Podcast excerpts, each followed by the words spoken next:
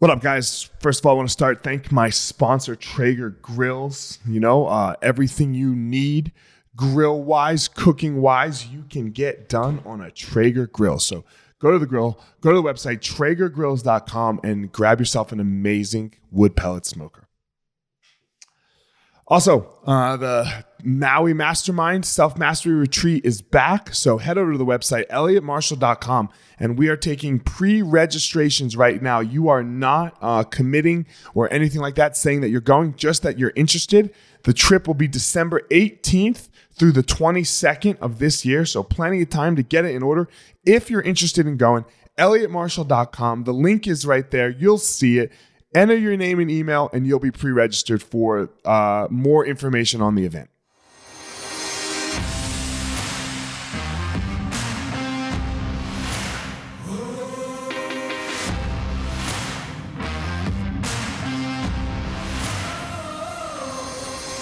What's up, my ninjas? This is former UFC fighter Elliot Marshall, and this is the Gospel of Fire, where we are going to learn how to go into the fire so that we can find our power and live the best life possible.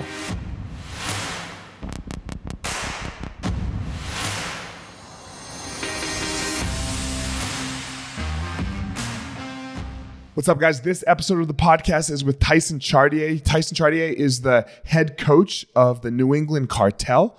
Um, he keeps his team very small. We talked about his uh, how he came up in martial arts, how he got into all of this, and how it was very interesting. It all kind of just like kind of fell in his lap, not fell in his lap, but like one thing led to another, and and here he was. You know, um, it was very interesting to hear how uh, a small team is run and their struggles and difficulties and the benefits of that as well. So uh, I really enjoyed the conversation. So without further ado, here we go, Tyson Chartier.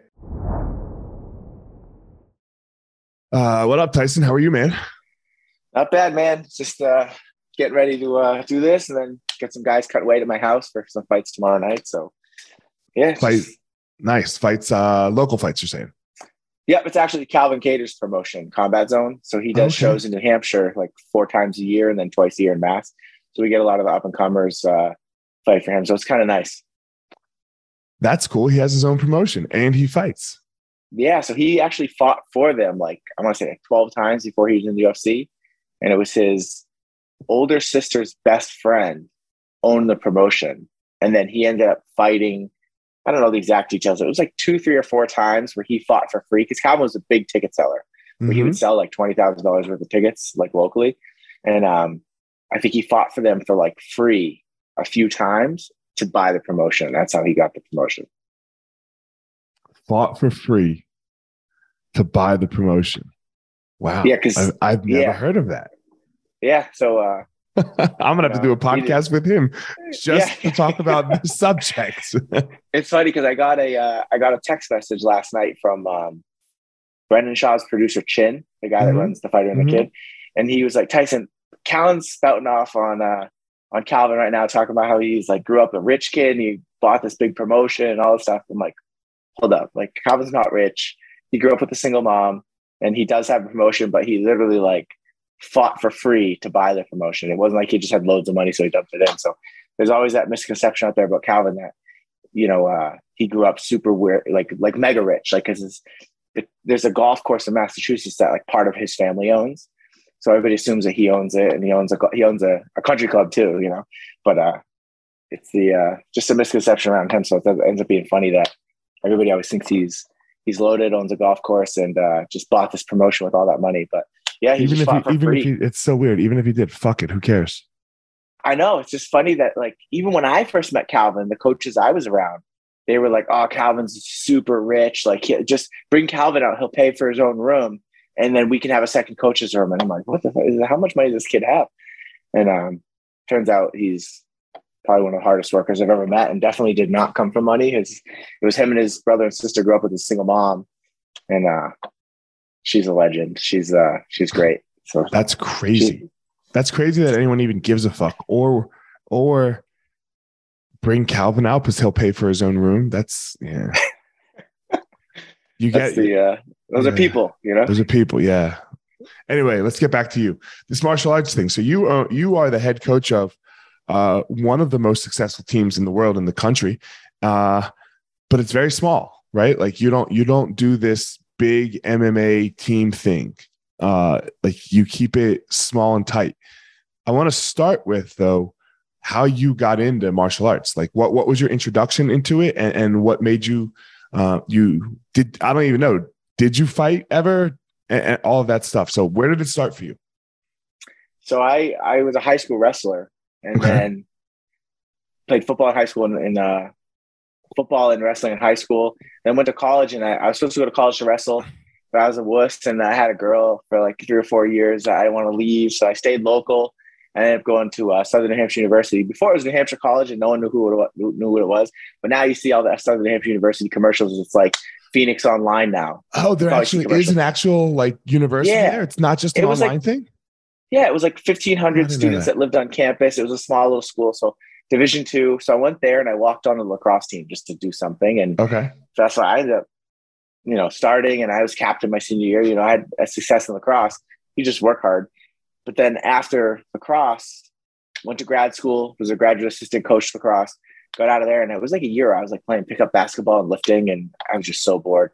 And uh, then my girlfriend at the time's mom, not the same girl that maybe stayed in New Hampshire, but another girl, um, she was uh, saw someone saying how they were sore from doing jujitsu. And I had just watched a couple UFC fights at that point.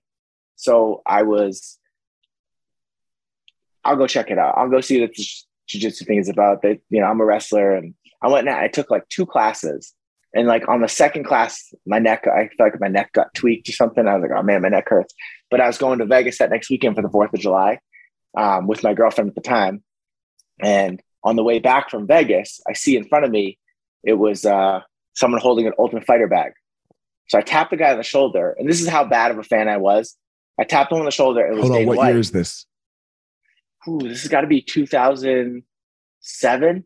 Okay. 2007. So it might have been like right when you were on the Ultimate Fighter, but I think it was like the, the comeback season. It might have been that because I know they were filming. I remember just thinking it was when Tim Sylvia fought Andrei Arlovski the second time. I think it was a very was boring. Right fight. before me. Yeah, it was right before me.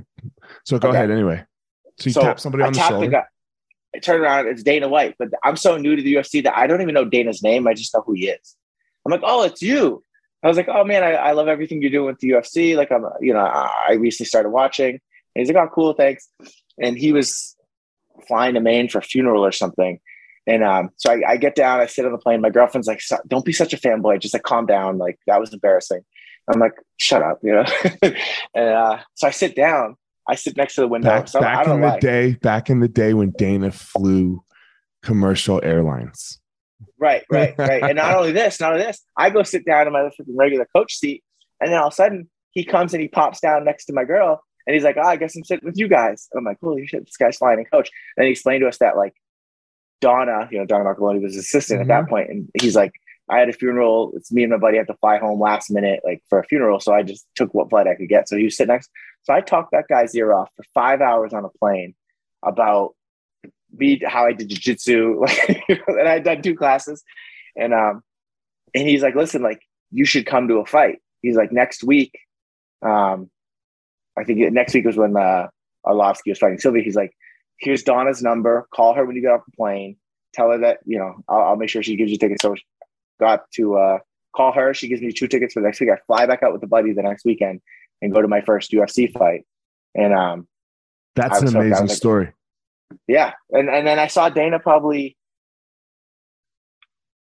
uh, four or five years later, three, three, four years later in Vegas at like the Red Rock. I was going to a movie and he was there, uh-huh. and we got a picture. Me and my buddy got a picture, and I was like, "Oh, I met you a few years ago on a plane." He obviously doesn't remember, but um, and then he had it was such a big impact on my life, but to him, it was just a dude he sat next to on an airplane. You know, like that's how it works when you're.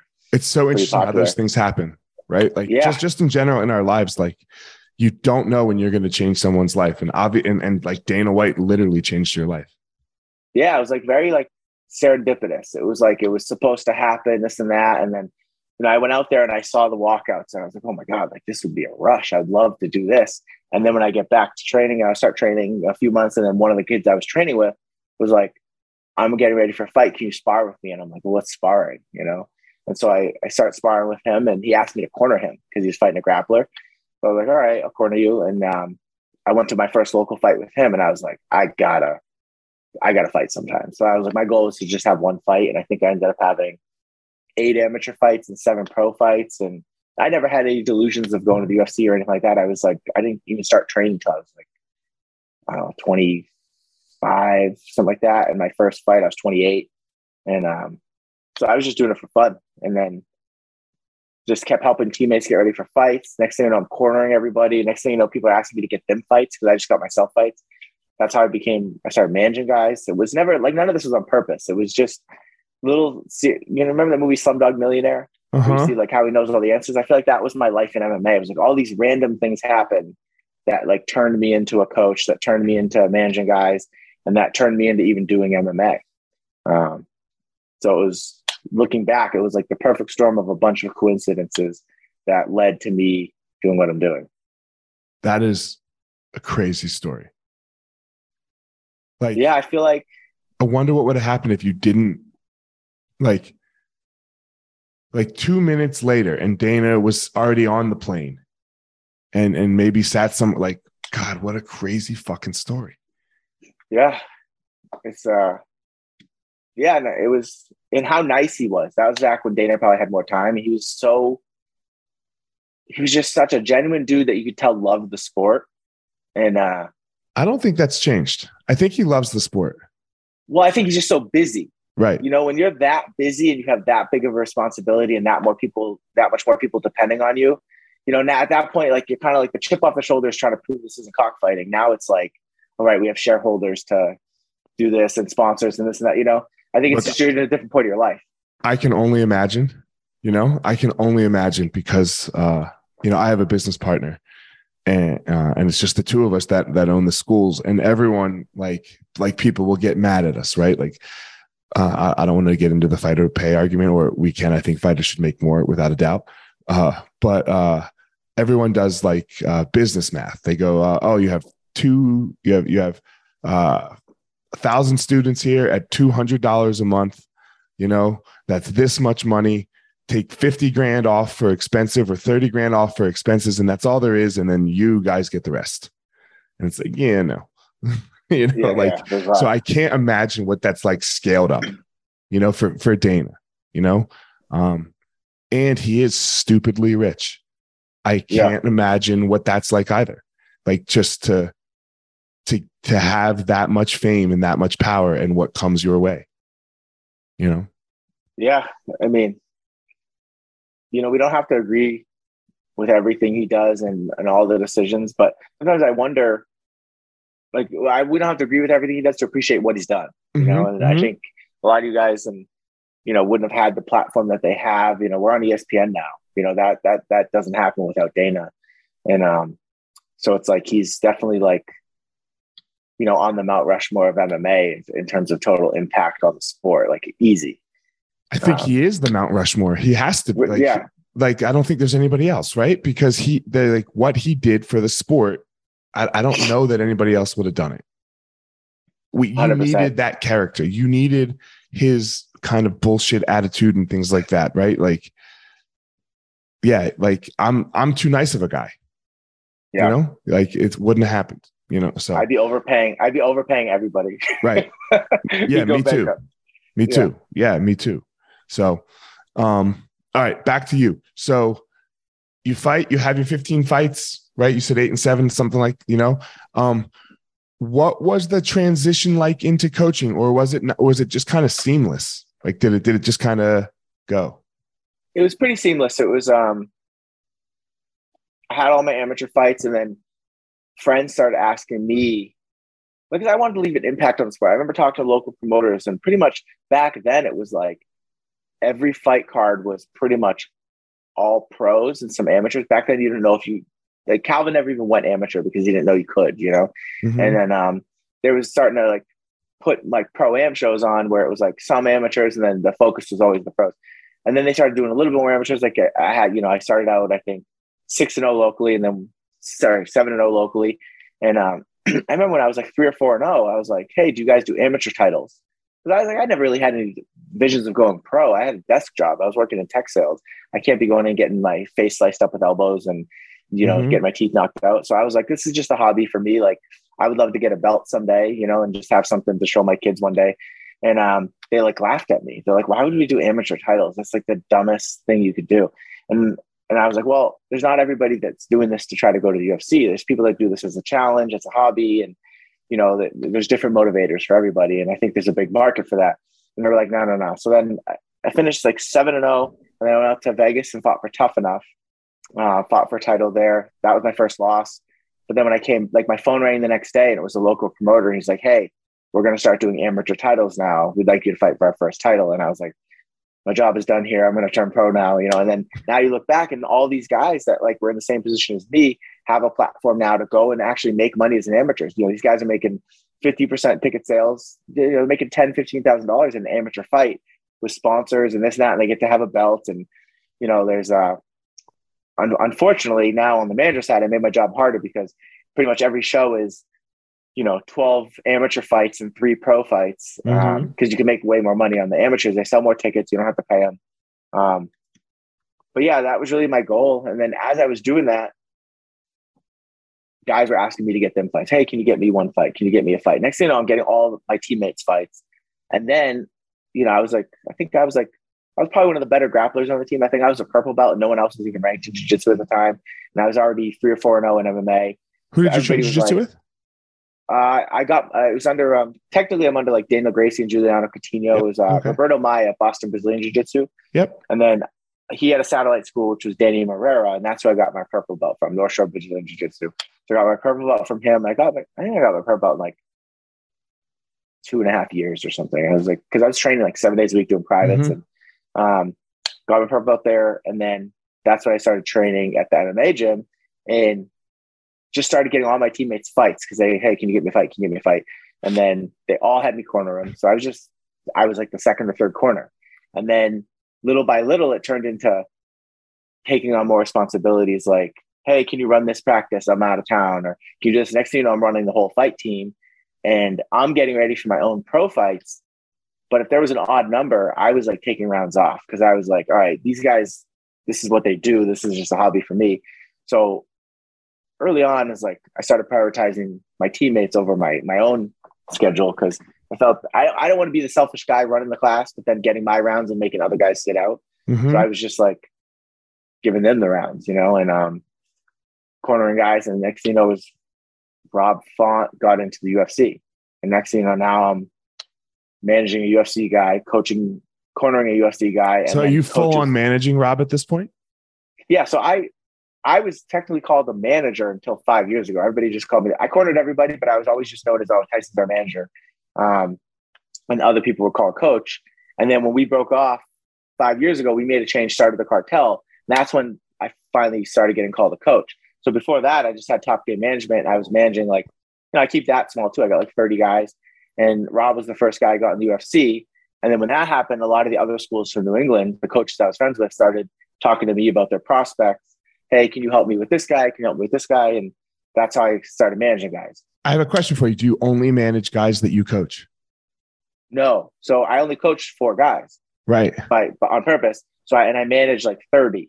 And um, even that is like I don't really recruit. It's like just kind of ha- like I just had Emily Ducote beat Jessica Penne in her UFC debut. She was the Invicta champ.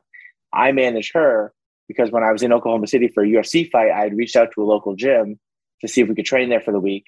Me and that coach stayed in, in contact. And then about a year and a half, two years ago, he reached out. He's like, Hey, I, you know, I got this girl that fights in Invicta. It's actually his girlfriend too. And now it's his fiance. He's like, could you help me manage? I think, you know, be nice not managing my fiance. And, um, does so I started coaches, does her. it coach his fiance? Yeah. Yeah. So that's he, terrible it was like, too it's just there's too too many things. So he's like, "Could you take on the manager role?" So that's how I started managing a girl at Oklahoma. I know Tony Martin was from Minnesota, and his coach was Brock Larson. So he's got a bunch of young fighters out there. That's how I started managing like Maurice Greene and um, some of the people out of Minnesota. Uh, so it's just let me ask you a question: a What do you do? Um, uh, I know, I know. For example, our like uh, uh just a, an easy situation. Um, like the manager that a lot of my guys use is, is uh, Lloyd Pearson. Uh, Lloyd, uh, yeah. Vayner Sports. I love Lloyd. Um, and sometimes he has to have guys fight each other. How do you like? Do you ever have you run into that yet? Like where? that would be a good problem to have because it means that they would probably be in a contender fight in UFC. Okay. I've never ever had guys fight each other, but I only got 30 guys. And that's right. by design. Like I'm not trying to I didn't get into this to do money. You know, my wife hates that, but like I didn't get into it to do money. I got into it to help my friends. And then like they, there's no need for them to fight each other unless it was like let's say Rob and Calvin were in the same division and they're like, listen, you guys have to fight each other. The winner gets a title shot. That that's a conversation the three of us would have, you know. And uh, I think the only other scenario where I and I've said this before is like if I had a guy on a UFC fight week that his opponent pulled out two days before the fight, and the only option was to fight one of your teammates that was already there, something like that. That would be a conversation we'd have to consider because my guy here still needs to fight. This guy over here can get in the UFC it's like it's up to at that point it's up to them. I don't tell them what they're doing. I give them the option and they can decide together. Um, but yeah it's not it's not something i try to do. Um, and if i ever had to do it it would be an extenuating circumstance like hey these mm-hmm. two fight each other for a title shot or he fights him he gets in the ufc type thing. But um, so this the only this other way i could see it yeah go, go ahead. sorry no go go go i would say the only other way i could see imagine it happening is if like Shelby or Mick was like strong armed me into it to get two guys on the contender series or something. But um, right. if they were like, this is a fight we really want to see, but that's not, you know, that's not ideal. And I think if you, as long as you don't scale too big and go too deep at too, like too many weight classes, then I think it's usually a problem that is for the most part avoidable.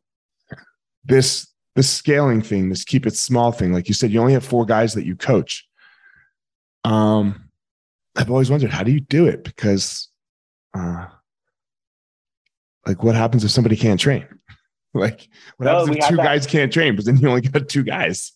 Well, that's the, the, the benefit that I have of like also managing a lot of the top prospects in the, the Northeast. So like for the most part, I we have a bunch of people that are begging us to train, like UFC fighters that message managers reaching out saying, "Hey, I'd love so and so to do a camp with you guys here," and, and we say no. You know, like we'll bring people in if it's if it. I'll bring people in if it's good for the team and it's good for my fighter. Not it has nothing to do if it's good for me. Okay, you know, so like explain the team first. So how, who are the guys? You got Kattar, you so, got Font. Yeah, Kattar, Rob Font, and then the two guys fighting tomorrow night is uh Nick Fiore, which is he's like one of those 24 year old phenom black belts that you know mm-hmm. they're coming up. Um, he's 24 years old, 4 0, four first round finishes tomorrow. And then he's actually Rob and Calvin's jiu jitsu coach. So his like got a multi role in the team where he's one of the teammates, but he's also like he's their straight jujitsu coach. Um, and then Tom Pags, he's three and one, um, three first round finishes. Then he just came off a split decision loss against uh, another prospect uh, about a year ago, and he's fighting tomorrow night. Um, college wrestler, good striking. You know, he had three. And they all are they all around the same size? Yeah. So uh, okay, Calvin's a 35er who's a right. big 35er. Uh, sorry, Rob. Calvin's a 45er, 45 Tom's a 45er, and Nick's the 55er. So they're so all Nick's right a little bit bigger. Yep. And then a lot of the other guys that I manage in the Northeast, a lot of them want to come and train with us. So we'll bring in certain people. Like Connor Matthews just fought on the contender series um, Tuesday night. He lost to the guy with your last name, Marshall. Um, tough fight. And um, I manage him. So he'll come in and spar with the guys. If we use him, depending on who we're who we're who we're fighting, we'll bring in different guys I manage to spar with these guys. And it's good for them because they get experience sparring with one of these guys. My guys aren't dicks when they spar; they don't go hard. They're not going to hurt you. Mm-hmm. Um, but they love being in the room with these guys. My guys get to go with like a young, you know, young up and coming hungry kid that wants to try to prove something. So it's mutually beneficial. And then my guy gets that experience of saying like, okay, I've, I've done rounds with a, a, top UFC guy and it builds their confidence. And then, yeah, so that's generally how we do it. And then we'll also go on the road. Like, you know, we'll go out to Vegas for a week and then invite some people and just, you know, train out there for a week, meet up with Eric um, do stuff like that. But yeah, no, there's definitely challenges to only having um, a small group like that. But it's more of the boxing approaches. Everything's built around that fighter in their camp, and then the teammates are expected to chip in. Where it does get hard is like when people are injured. You know, Calvin's fight was a, a bit of a challenge where Nick had hurt his uh, his shoulder. Tom was able to do camp, but Calvin Rob's still resting from his last fight, and um, so it was really like we had light, light days. We still got the work in, but it would have definitely been better if we had, uh, you know, Nick wasn't hurt and, and Rob could chip in. yeah. So how does and and, and how, does Calvin not get frustrated then? For example, when in, in situations like that, like how do you keep him getting that good work? I guess. Well, he's still getting good work. It's it's more about um, balancing like like the uh the work with the other guys who are also in camp behind him. Because okay. Calvin's always Calvin's going to be the focus if he's got a fight coming up in three weeks against someone like Josh Emmett. He's going to get the work, but where what the downfall can be is if like you're asking the younger guys to chip in a little bit more towards Calvin's camp and less on their own camp. And that's where it can get a little dicey. So you got to try to be creative there. But you know, obviously that's growing pains too, is where you know there's no science to exactly how to run a a small a small fight team with everybody's got individual goals, but then there's also team goals and um, yeah, you know, you're definitely balancing personalities the whole time. And but I think a big caveat to that is we're very selective with who we let on the team. Tom and Nick, you know, they had to earn the right to be training with these guys every day and earn the right to like, you know, you have to show us that you're going to work hard. You have to show us that you're going to put in selfless work. You have to show us that even when you don't have a fight, you're around and that right after your fight's over, you're coming back in to help the next guy. And, um, you know, there's definitely a, a good vetting process. And if you don't fit into the work ethic or the personalities or any of that, then you're, you're kind of just going to get pushed out anyway, because you're not going to get welcomed like, you know, like some other people would. Where do you train? Do you have your own gym? So we have, uh, no, we have like a little studio in, um, like a guy outside my house trying to knock on the door. He's like a, the landscaper. Or something. But uh, we have a small studio in um, Lawrence, Mass that Rob owns. But right when the pandemic happened, Rob got a little studio and um, we've just been training there. But the goal is we've been trying to buy a building probably for two years now. And it's just the real estate sucks here. It's um it's tough. You know, you don't want to overbuy something. And then we even look trying to lease something and just trying to find the right place. It's just been a nightmare. But uh, you're, about to, you're about to, you're about to get a good deal. That market, the market's about to crash. That's what I'm saying. yeah, yeah, you're about to find a place. Market's to change. So, and I've been telling the guys that we just got to be patient. We've got to be patient. Like we just got to chill. Um, and you know, we've been patient. We have people that are you know trying to help us out too, and and just hey, listen, like I want to, I'll buy the building. You guys do this, and you know, so we got opportunities out there, but we're just really being patient. We're not trying to be, uh, you know, make a dumb business decision. And, you know, so we have that. And we have um, uh, Hard Knocks Muay Thai, which is uh, Jake Manini. He's our Muay Thai coach. So he's got a gym in Boston that we'll go to to get Muay Thai stuff in and then train with those guys. Well, sometimes we'll go spar there. And then we have the boxing gym in Haverhill, Sean Farley, our boxing coach. We have that gym that we have keys to. We can go to that whenever we want. And then we have the gym up in Maine where we go to wrestle and uh, we can go there whenever we want. So we got plenty of gyms that we can use. And and that so you as spot. the head coach, uh, hold on, I got to stop you. So you as the head coach, you don't handle all of the you they have their Muay Thai coaches and they have and all of that. How, man, how do you manage this? Like well, how do like do, do they all have the same Muay Thai coach? Yeah, yeah. So everybody trains with Jake Manini. He's the Muay Thai coach. He's the he's the head coach at Hard Knocks Muay Thai in in Boston. Right. So he's like he works with Joe Lauzon now too. He works with pretty much all the Northeast UFC fighters. So he's the so he he comes up to us two days a week, and then we go to him one day a week, and everybody trains. You know, we we cycle through. The wrestling coach is from Maine. In camp, we go up there one day a week. He comes down one day a week, and then the boxing coach is right in the town that they all live in. He's like five minutes from all them, and they'll train with him um, two or three nights a week. And then I'm usually at all the I'm at all the sparring sessions, and then I'm at all the mitt sessions that Jake does with them for Muay Thai, and then I'm at most of the boxing sessions because I do those really late and I'm with the kids. But um, and then I'm at all the uh, the wrestling practices too. So then and then we'll have the classes that they do with just me, which is more around the putting it all together, the drilling classes, and um, you know whether it be live jujitsu, you know stuff like Bro, that. How so, the fuck is this worth it for you? It's because it's what I love. You know, like it's it's uh, you know what they say is like find something you love and you'll never work a day in your life, and that's really what I feel. And you know, you you've been on a team before that that brotherhood you feel with like your teammates. It's like unfortunately, you know, time time just keeps moving, and uh, you know, my days of fighting are done, and I found a new way to fill that competitive void. Is uh, I'm with these guys in the trenches. Like I, I always say, we like you know, I'll talk about Calvin like that. We have one of the best jabs in the UFC, and people are like, what do you mean we? I'm like, well, I'm in it too. You know, like I feel like this is this is I'm just as invested as as these guys are. Like I, I like to say that I don't know if it's true because I'm not in their brain, but like you, you couldn't care more than I do about these kids that I coach and and about the the challenge of it. And then there's the whole game of you know who you're coaching against and who can come up with the better game plan and you know and then coaching in the fight, but then putting the best camp together and and trying to be creative with getting like the best out of these athletes because it's not just saying something they have to believe what you're saying you know you have to be prepared too and then you have to say the right thing you know like i'm sure like what you guys said in the corner after that round the other night with drew like had an impact he came out and he fought smarter that next round you know but you guys don't just say that based off your experience you say it off of the full camp you put in with them the history you have with them and then the video you watched on the other opponent and then obviously the nuances of how the fight's going the flow of the fight and and you know, how your guy feels that night. And there's just so much that goes into it to yell the right thing at that moment. And it's like a, you just do you ever feel like more alive than when you're in that corner and you're just screaming and the and the fight's going, the crowd's roaring. And that's like where I feel like that's like my happy place. The only time I've ever felt more alive is fighting. Right. Right. Like so And- so and- so and that's Yeah. over. right. That's what I'm saying. So like I don't have that anymore. So Mhm. this is my fighting. It's it's Mhm. it's my fighting of I'm going in against, you know, like we fought Cody Garbrandt and he had Mark Henry running his corner. And I'm like, all right, motherfuckers, like you guys want to talk about Mark Henry being the, the best strategist in all of MMA and he's the smartest guy and this and that. And we're gonna come in with a better plan than him. We're gonna execute better than him. And I know that's not really how it works. You know, Mark Right, Henry's right. it's not me versus Mark.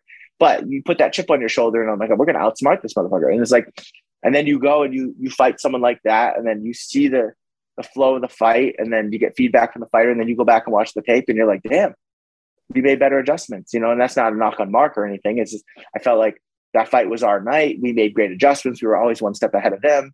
You know, we kind of had an idea of what they were going to come out and try to do, and we were right. So it was like that gives you that confidence of like, all right, we're doing something, we're doing something right here. You know, and um, Mm, so this is how I feel about former fighters coaching. Uh, for example, uh, I am not the striking coach. Like, like in no way am I teaching you how to do your striking. But because I fought and because I had to get very good at striking, I understand what needs to be done very well on the feet. Right. So Mhm. in the in the fire, in the battle, I can be like, yo, we got to do this. Right. Like this is what has to happen. Now, somebody else gave you the tools to be able to do to do all of those things, you know, and, and that's you know the team that you have to form. But as far as like in the fight, it, you have to the the head coach has to be able to see all aspects of the fight, even though I am a heavy grappler as as you are, right? Like you Yeah. have to be able to be like, Drew, this is what I need, and you have to the the connection between coach athlete is is probably the most important thing, I think yeah, outside of uh, uh you, you don't want to not be skillful obviously but if the fighter if the athlete truly believes what you're telling them is right then that's massive massive yeah, yeah. I always say, I remember back in the day, there was a a Muay Thai coach who was trying to give one of the fighters advice on the ground, and I was like, yeah, yeah, yeah. Like, this is in practice, and I'm like, Uh-huh. hey, not your area, and they're like, well, you talk about striking, and I was like, I don't, I'm not teaching them moves. Like, I don't teach someone how to jab. I tell them when to jab. You know, and there's a big difference there. And I think Mhm, mhm. I I stay in my lane. Like that's why like when we started this whole team, I say I'm going to bring in the best coaches for each discipline, and I'm going to be the guy that puts it all together.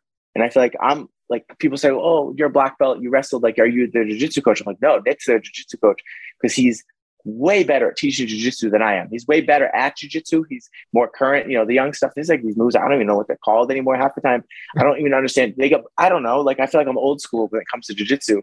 It's like a language I don't speak anymore with the new stuff. And um, I was like, but I'm an I'm an MMA coach. You know, I I I can put the boxing, the Muay Thai, the wrestling, the jiu-jitsu, put it all together, and then come up with an idea of like, all right, what part of the sandbox can we stay in where we can use the best weapons available that don't become liabilities? Because you know, obviously, you, you go out and kick a Division One wrestler to the body, you're probably getting taken down. You know, and it's just th- those things, but then obviously much deeper. Um, so I'm the one that you know comes together, puts it all together, and then comes up with the game plan. And then I'll go to the coaches and I'll be like, "Hey, Jake, this is what we need to work on this camp. We'll collaborate a little bit." But I'm like, "We're not throwing this. We're not going to do this. We need more of this." And then and then I'll go to the sessions watch it, and I'm like, yeah, I don't like that for this, and we'll talk about it. And then, you know, he's he's got no ego with that, and I don't have an ego, so there's collaboration there of like, like, hey, I'm thinking this could work, and I'm like, I, I don't think that that works. Like, I'll give a perfect example is when I introduced Calvin to Jake, it was in uh, Sacramento um, when Aspen Ladd was fighting Germaine de Randamie or whatever. And um, I said, Calvin, I want you to come out with me. I had Mike Rodriguez fighting on that card. I said, I want you to come out to Sacramento with me. I'll be there with Mike for the week, but Jake's going to be there. I want you to get in a session with Jake. And um, then I asked Jake, I was like, hey, I'm going to bring Calvin with me to Sacramento. Can I have you get some work in with Jake? And um, he's like, yeah, yeah, whatever you need. I was like, and he goes, what do you want to work on? I go, Calvin has no Muay Thai triggers. I go, if he gets close enough, he's either boxing or he's wrestling. I go, if we tell him to elbow, he'll throw an elbow, but it's not going to come out on its own. I was like, I need to, I need you to like build like that close range Muay Thai weapons, the knees, the clinch, the, mm-hmm, you know, mm-hmm. the elbows, all that stuff. And so Jake said, cool. And so then I, I started the session with him. I left, I let them do their thing, got feedback from Jake, got feedback from Calvin. And then we put it together and said, all right, you're gonna start working with them. And then that started happening. That was in July. That next May was when he got the elbow knockout against Jeremy Stephens. So it was like, I think 10 months. Yeah, May, June, July. Yeah, 10 months. So in 10 months, Jake was able to build a Muay Thai trigger that in the highest level of the sport, UFC 249, coming off the pandemic, on the pay per view, on the main card, knocks out Jeremy Stephens with an elbow, which he didn't have that ability 10 months prior. So it's like trying to bring in coaches like that, let them do their thing, tell them, hey, listen, this is what I need. You're the guy to do it. Go do it, you know? And um, that's really what my job is. Right why do you keep it small? Like, do you want to grow it? Do you do you want to go? Do you want ten fighters, twenty fighters, as as say, not not as not as management as athletes? Yeah. So I made a deal when when me and when Rob, like our old place that we used to train at, and he said, "Listen, I need to, I need to change. What do you think about starting a new thing and being my head coach?" I said no, and then you know, he bugged me. And so I thought about it. I was like, give me some time to think. So I thought, thought about it for like a week, talked to my wife and I knew if I like made that change, I was going to be losing everything I had already had. Like I was like already established at this other place. I was like, how all my friends, all my fighters, all my teammates were there. Those are my brothers. But, you know, my wife was like, well, I don't think that was ever your dream to just go there for free all the time and, you know, not really be appreciated and this and that. She's like, I think, you know, you've always wanted to change things that you weren't able, to change mm-hmm. because it wasn't your call, you know? And um, so then I was like, all right, you're right. I was like, so then I went back to Rob. I said, listen, I'll do this, but we have to do it this way. Because at that point, my focus was like, all right, I got Rob Font, a ranked UFC fighter, wants me to be his head coach, and our goal is to win a belt. And I said, here's how we're going to do it. And I came up with ideas like we're going to take more of a boxing model. I'm going to bring in the best training partners, the best coaches, and everything's going to be built around you. And then he's like, well, I want Calvin to come too. And I was like, all right. So then we sat down. I, I said, this is how it's going to work. And um, I said, I'm going to build camps around you guys. We're not going to build your camps around the gym schedule. We're going to do everything based around you guys. And uh, my main focus as a coach, until you guys are done fighting, is to get you guys UFC belts. And um, so everything I do is based around that. And um, and then accidentally, I started coaching two other guys because they were just the young guys that were around all the time you know Nick's coaching jiu-jitsu and then he's fighting and you know uh, it just turned into those those two guys have like what Rob and Calvin had you know good teammate coming up together want to uh, you know chase a belt. And so we get those two guys right behind them and really it's just it's a loyalty how are you going to say no? Yeah you, you how can you say no? To, no how, how are you going to no no how are you going to say no to the next person? Because this is how it builds right? Oh, like, I do it all the time. No, but okay. I say that's the difference between me and other coaches is coaching isn't a business for me. You know, it's turned into a brand. The New England Cartel, like we get sponsors, we make money, we have that.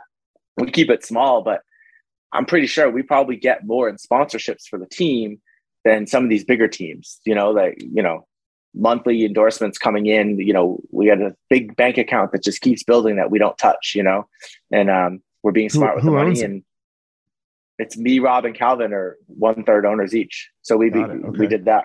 Yeah. So we sat down. We did that. We opened an LLC. We did a partnership agreement. Like I run the whole show, but obviously they're the faces of it. They're the talent. So we came up. It's a it's equal partners, the three of us, and it's voter majority rules. So we always joke around. It's like I call Calvin. He likes. He's like, let's talk to Robin. You don't have to. We're the majority, you know. but um, but no, pretty much we, we we all make decisions together. Um, it's interesting. So my together. that's how. So my business is pretty much 50-50, You know. Uh, we have some other small initiatives, but nobody can outvote us. But we, the way we do decisions is me and my business partner, uh, Amal Easton, right? Yeah.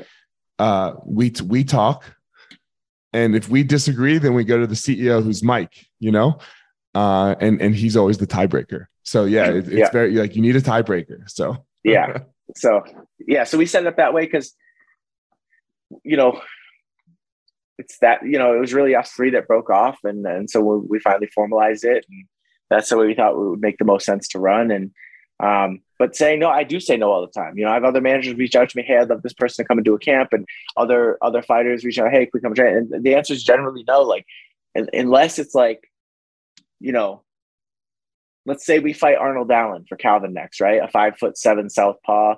Like, if there's another high level five foot seven southpaw somewhere out there that's begging to train with us, like he might get the yes that camp, you know.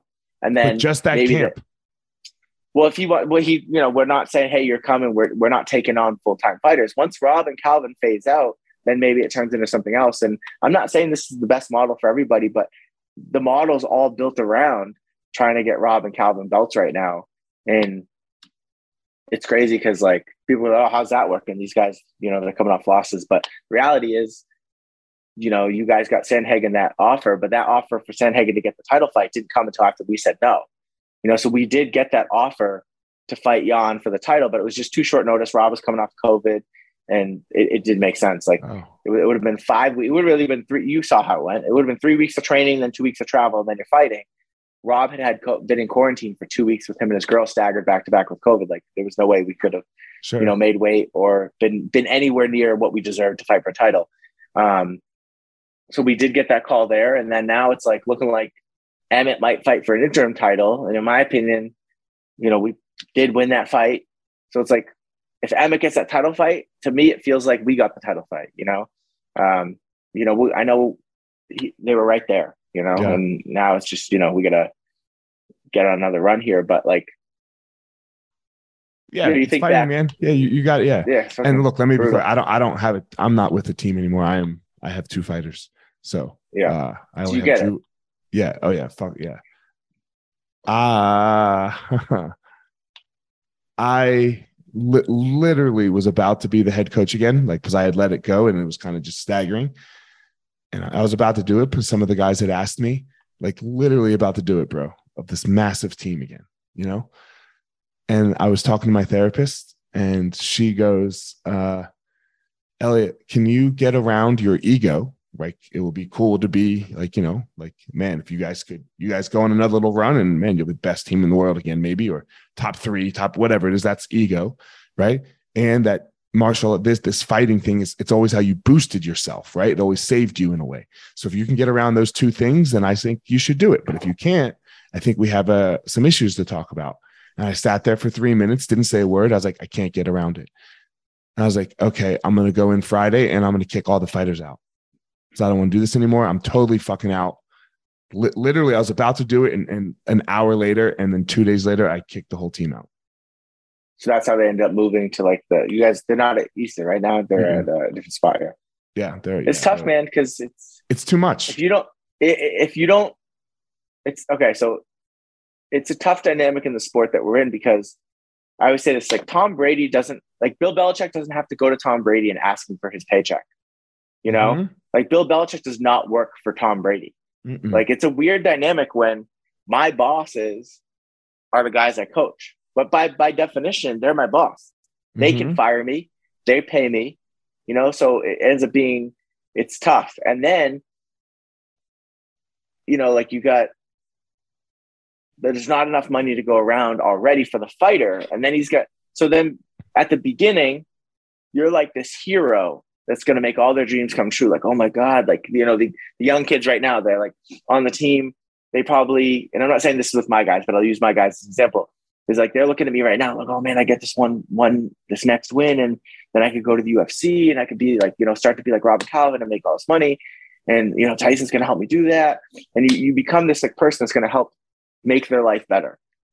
And then they go and get that first big paycheck from the UFC, you know, let's call it a hundred thousand dollars. They get that money and they get that check, and instantly a switch flips and you become the person that's taking food off their plate. Like you're the liability now. You're not the guy that helped get them there. You're the guy that's now taking what they earn. You know, and it's just that's unfortunately they've never paid anything out before, right? Like they've never they've never cut a check more than five hundred dollars. Right. And and so if you even took money. right. Like yeah. and that's the thing, even with the guys I manage, I don't charge any of the guys I manage, I don't charge them locally. Until they get to the contender series or higher, I don't even charge them anything. You know, there's guys that I've worked with since they were amateurs that were 18 years old that, you know, have just finally paid me for the first time. And and these are fighters I'll I'll I'll go corner them. I'll drive. You know, to me, it's like a long term investment because I, I, believe it's the right thing to do. Um, yeah, it's tough, man. It's it's it really is that money is the worst worst thing and creates a lot of enemies and people get weird when money's involved. So money and success. Like when it, yeah, and then and they, they forget they, they forget the people that because they kind of come hand in hand, right? You know, mm-hmm. like, and they forget the people that helped get them there. They forget the people that didn't help get them there. And then all of a sudden, once you get that success and you get the money, then it's like, you know, the shark tank that we're in, in in, the UFC. The minute these guys get a ranking or a number next to their name, they get a little juice. And next thing you know, all the sharks come swimming over. You know, you got the, I don't say names, but you got all these other managers reaching out, being like, bro, bro, you should have this in sponsorships now. You should have this. Oh, what are you getting paid? I could have gotten you this. And it's like you're saying all these things. It's like, oh, cool. You know, like it's it, it's tough. You know, you get the, the snakes come game. out. Fighting's a it's dirty a game. Super, super dirty game. And dirty you know, game. that's why I keep I keep the circle small. And and I tell these guys when I sit down to manage them, I go, listen, like the goal is to get a UFC title. You know, like and, and with that, maybe comes a million dollar check. If you're not comfortable at some point, like think long and hard. If you're not comfortable writing me a check for for a hundred thousand dollars if you make a million, like then then with, this conversation doesn't make sense. You know, mm-hmm. like mm-hmm. at some point, I want you to not look at me taking a hundred thousand dollars from you. Meaning, like right now, you're not even in the UFC. If if in years down the road we get to that point where you make a million dollars, you're going to write me a check for a hundred thousand dollars. I want you to be excited about that, and I want you to remember this conversation because that means that all these the hope and dreams and this goals and this and this blueprint and this roadmap that we all worked on together be you, your coaches, we all worked on together, helped make that happen. So don't look at it as I'm taking a hundred thousand dollars, I helped you make nine. I go and furthermore, and I try to do this because I'm a coach too. I was like, listen, and your coaches, they helped get you there too. So I don't want to hear any of this bullshit. Like you get there to the UFC and then you make a million dollars. Like, oh, coach, can we renegotiate? Like, no, no, there's no renegotiating. Like your coaches are investing time and money into you now for the hope that someday you accomplish your goals. And when you do, they deserve to get paid too. Like this isn't like there's no charity in this. They're take how many times like are they missing Thanksgivings, birthdays, their wives' birthdays, all that stuff, their own birthdays, like holidays, Christmases. How many times are they doing that to help you get to that point? So when you get to that point, you write that check and you say thank you for everything you've done. You know, and and I try to defend the coaches a little bit there, and um, because I think it's game, bro. It's a tough game yeah, it's, it's oh man, it's freaking brutal. Like I get so fired up about it because I see both sides. I yeah. see the greedy fighter, and, I, am not talking about any of my guys, but like I see the greedy fighter that wants to just not appreciate the people who helped get in there. But I also see the greedy coaches. You know, so a, a couple greedy fighters give a lot of fighters a bad name, and then I see a couple greedy coaches that you know you can tell they're like they're not invested in the fighters personally. This is literally just a transaction. This is their job they go to work, but they don't love it. They're just doing it to get the money, you know. And I won't say the name, but there was a, a guy that just recently won a UFC fight, looked great. He's paying his head coach 10%, as well as paying gym dues. And his head coach, who's his, his striking coach, held mitts for him three times the whole camp. It's like, all right, if that's how you want to run it, but that so that's why I don't have scale. Like I don't want to ever be the guy that brings a guy to UFC fight he, you know, he wins, he gets all this money. And then I said, Hey, give me my money when I, I don't feel like I earned it. Like I have to give these guys what I wanted when I was a fighter. You know, I was pretty much running my own camp. how to, you know, coaches that I would show Mhm. up to. I had trainers. I didn't have coaches. Mm-hmm. You know, you know the difference between a trainer and a coach. Like a trainer is the guy that you can show up at five o'clock. You're gonna hit that. You're gonna leave. He's not thinking about you before five. You're going to get a great he's workout. not thinking about you after. Yeah, and he's not thinking about you after after you leave at five forty five. He's not watching video. He's not going to bed thinking about your fight. You know, a coach. He's the guy that's like waking up thinking about like, all right, what should we work on today? Like, here's what I want. But I noticed this yesterday. Like, I think if we do this, and then he's calling the other coaches like, hey, you know, I was thinking this. Like, he's living your fight camp. You know, and he's going to bed thinking about how did that session go? Like, what could we do better tomorrow? I've been noticing this. I think we got to pivot tomorrow to do that because I've been noticing that he hasn't been picking up on X, Y, or Z.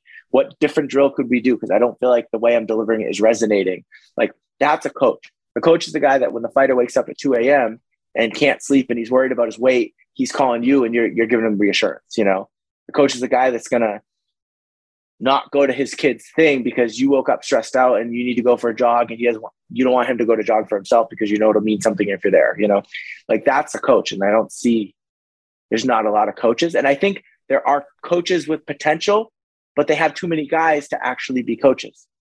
So then you turn in, that's where it gets slippery. You turn into a professional corner. At that point, your job isn't necessarily to train fighters anymore. Your job is to corner fighters and work a fight week, which is a whole skill in itself.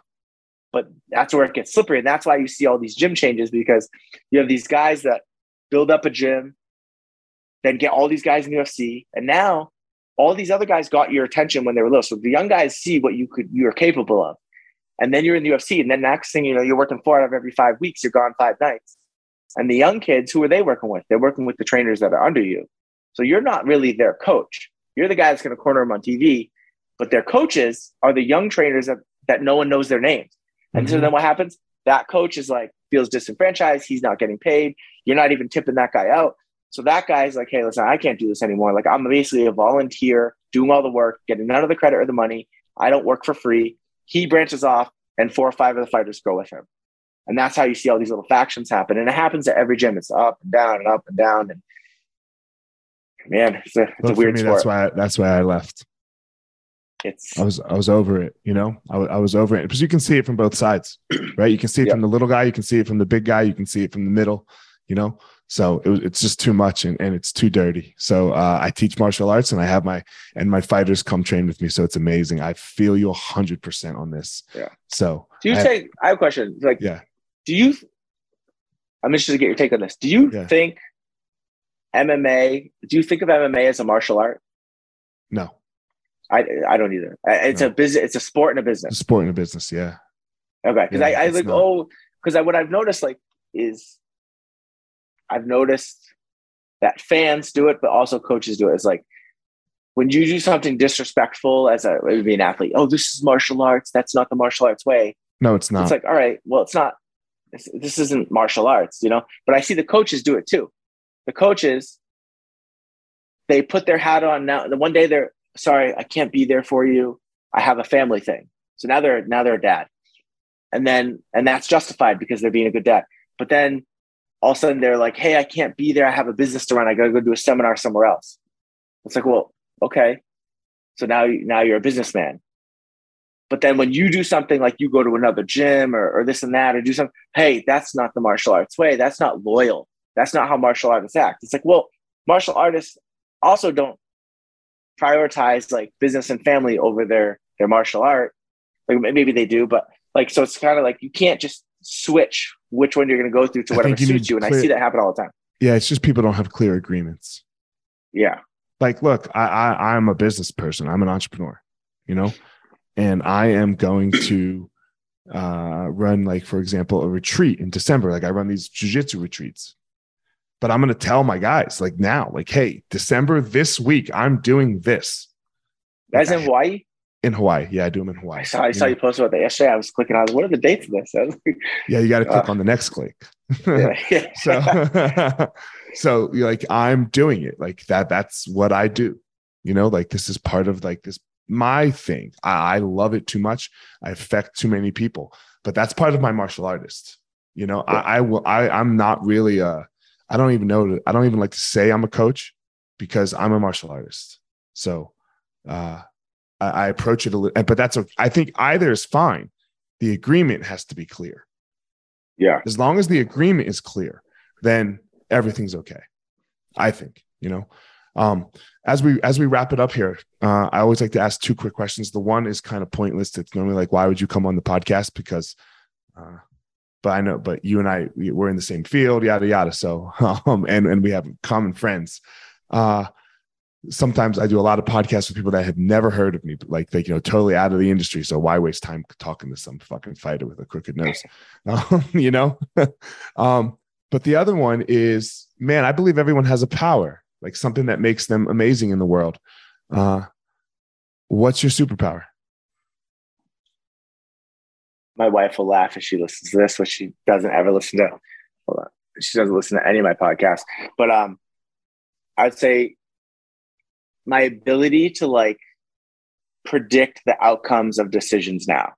Like I think I always say it's like what makes me and, and this could be long-term vision planning like like all right listen that that's not the move like like uh-huh. if we do that this is what's going to happen you know we if we do this this is what's going to happen and i generally have a high success rate with planning those things out but then that translates to the the micro level too is like in a fight yelling the right thing mm-hmm. you know and mm-hmm. I, I really feel like my ability to like think strategically and tactfully i think is better because i think generally people either think tactical or strategical and not one or the other one has a short-term goal and the other one has a long-term goal but generally the uh the tactical approach to winning what you need now isn't going to help you strategically in the long term and i i try to blend the two and i think I feel like if I had a superpower, it's that ability to like think strategically and tactfully at the same time on and you know short term decisions and long term decisions. Oh yeah, man! Thanks for coming on. Tell everyone where they can reach out and uh, if they want to contact you or or anything like that. So go ahead. Yeah, just usually Instagram's probably the best way nowadays. It's uh, Tyson underscore Chartier. Um, usually pretty active on there, trying to boost up the fighters and yeah, you know, that's it. You know, I appreciate. It. What, what's your superpower though? I want to hear yours. Oh, I have the ability to help other people find their power. When, it, when it, works out, I can really, you know, uh, that that's my superpower. I like it. Yeah. Um, guys, as always, don't go out in the world and try to be Tyson. He has his unique thing and how he does the world for him. Don't go out in the world and try to be me. I have my unique thing and, and my superpower. Go out there and find your own power, guys. All right, everyone, thanks for listening to this episode of The Gospel of Fire. If you enjoyed the episode, I'd love a review on iTunes or wherever you are listening to this podcast. Don't forget to follow me on social media at Fire Marshal 205 If you are a BJJ enthusiast, check out my YouTube channel. I put all kinds of instructional DVD uh, videos out on there, so go check it out. My book is still out on Amazon by the same name as the podcast, The Gospel of Fire. So if you are interested, go check out that. And most importantly, guys, go out there every day, find your power. Thanks a lot.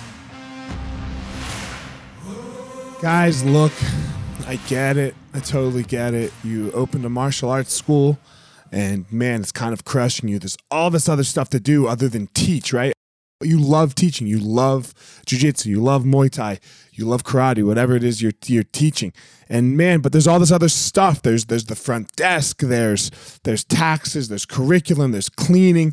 There's there's problems, staffing, covering. Whew, man, it's so much. It's so much. Well, let me tell you, uh, we have started what's called Easton Online, and Easton Online is here to solve all of these problems for you. Easton Online is a digital academy for martial arts school owners and managers. Will help you establish or enhance your business with best practices. Most importantly, we're going to help you get back to what it is that you love most teaching and doing martial arts.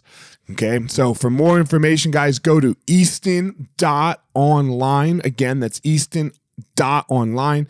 Add your email. You're going to get notified about the course launches. Our first course is going to be all about the first impression specialists, your front desk, and all kinds of stuff, special offers, promotions, as well as we started a podcast by the same name, Easton Online, that's going to talk about our process of how how we went from a tiny little martial arts school to what is now seven martial arts schools, seven Brazilian Jiu Jitsu Muay Thai schools, um, in a very holistic way that we believe um, kept the integrity of the art and also deals with its people very well. So again, Easton.online, enter your email, and you're gonna get all you're gonna get everything you need right there. So thanks, guys.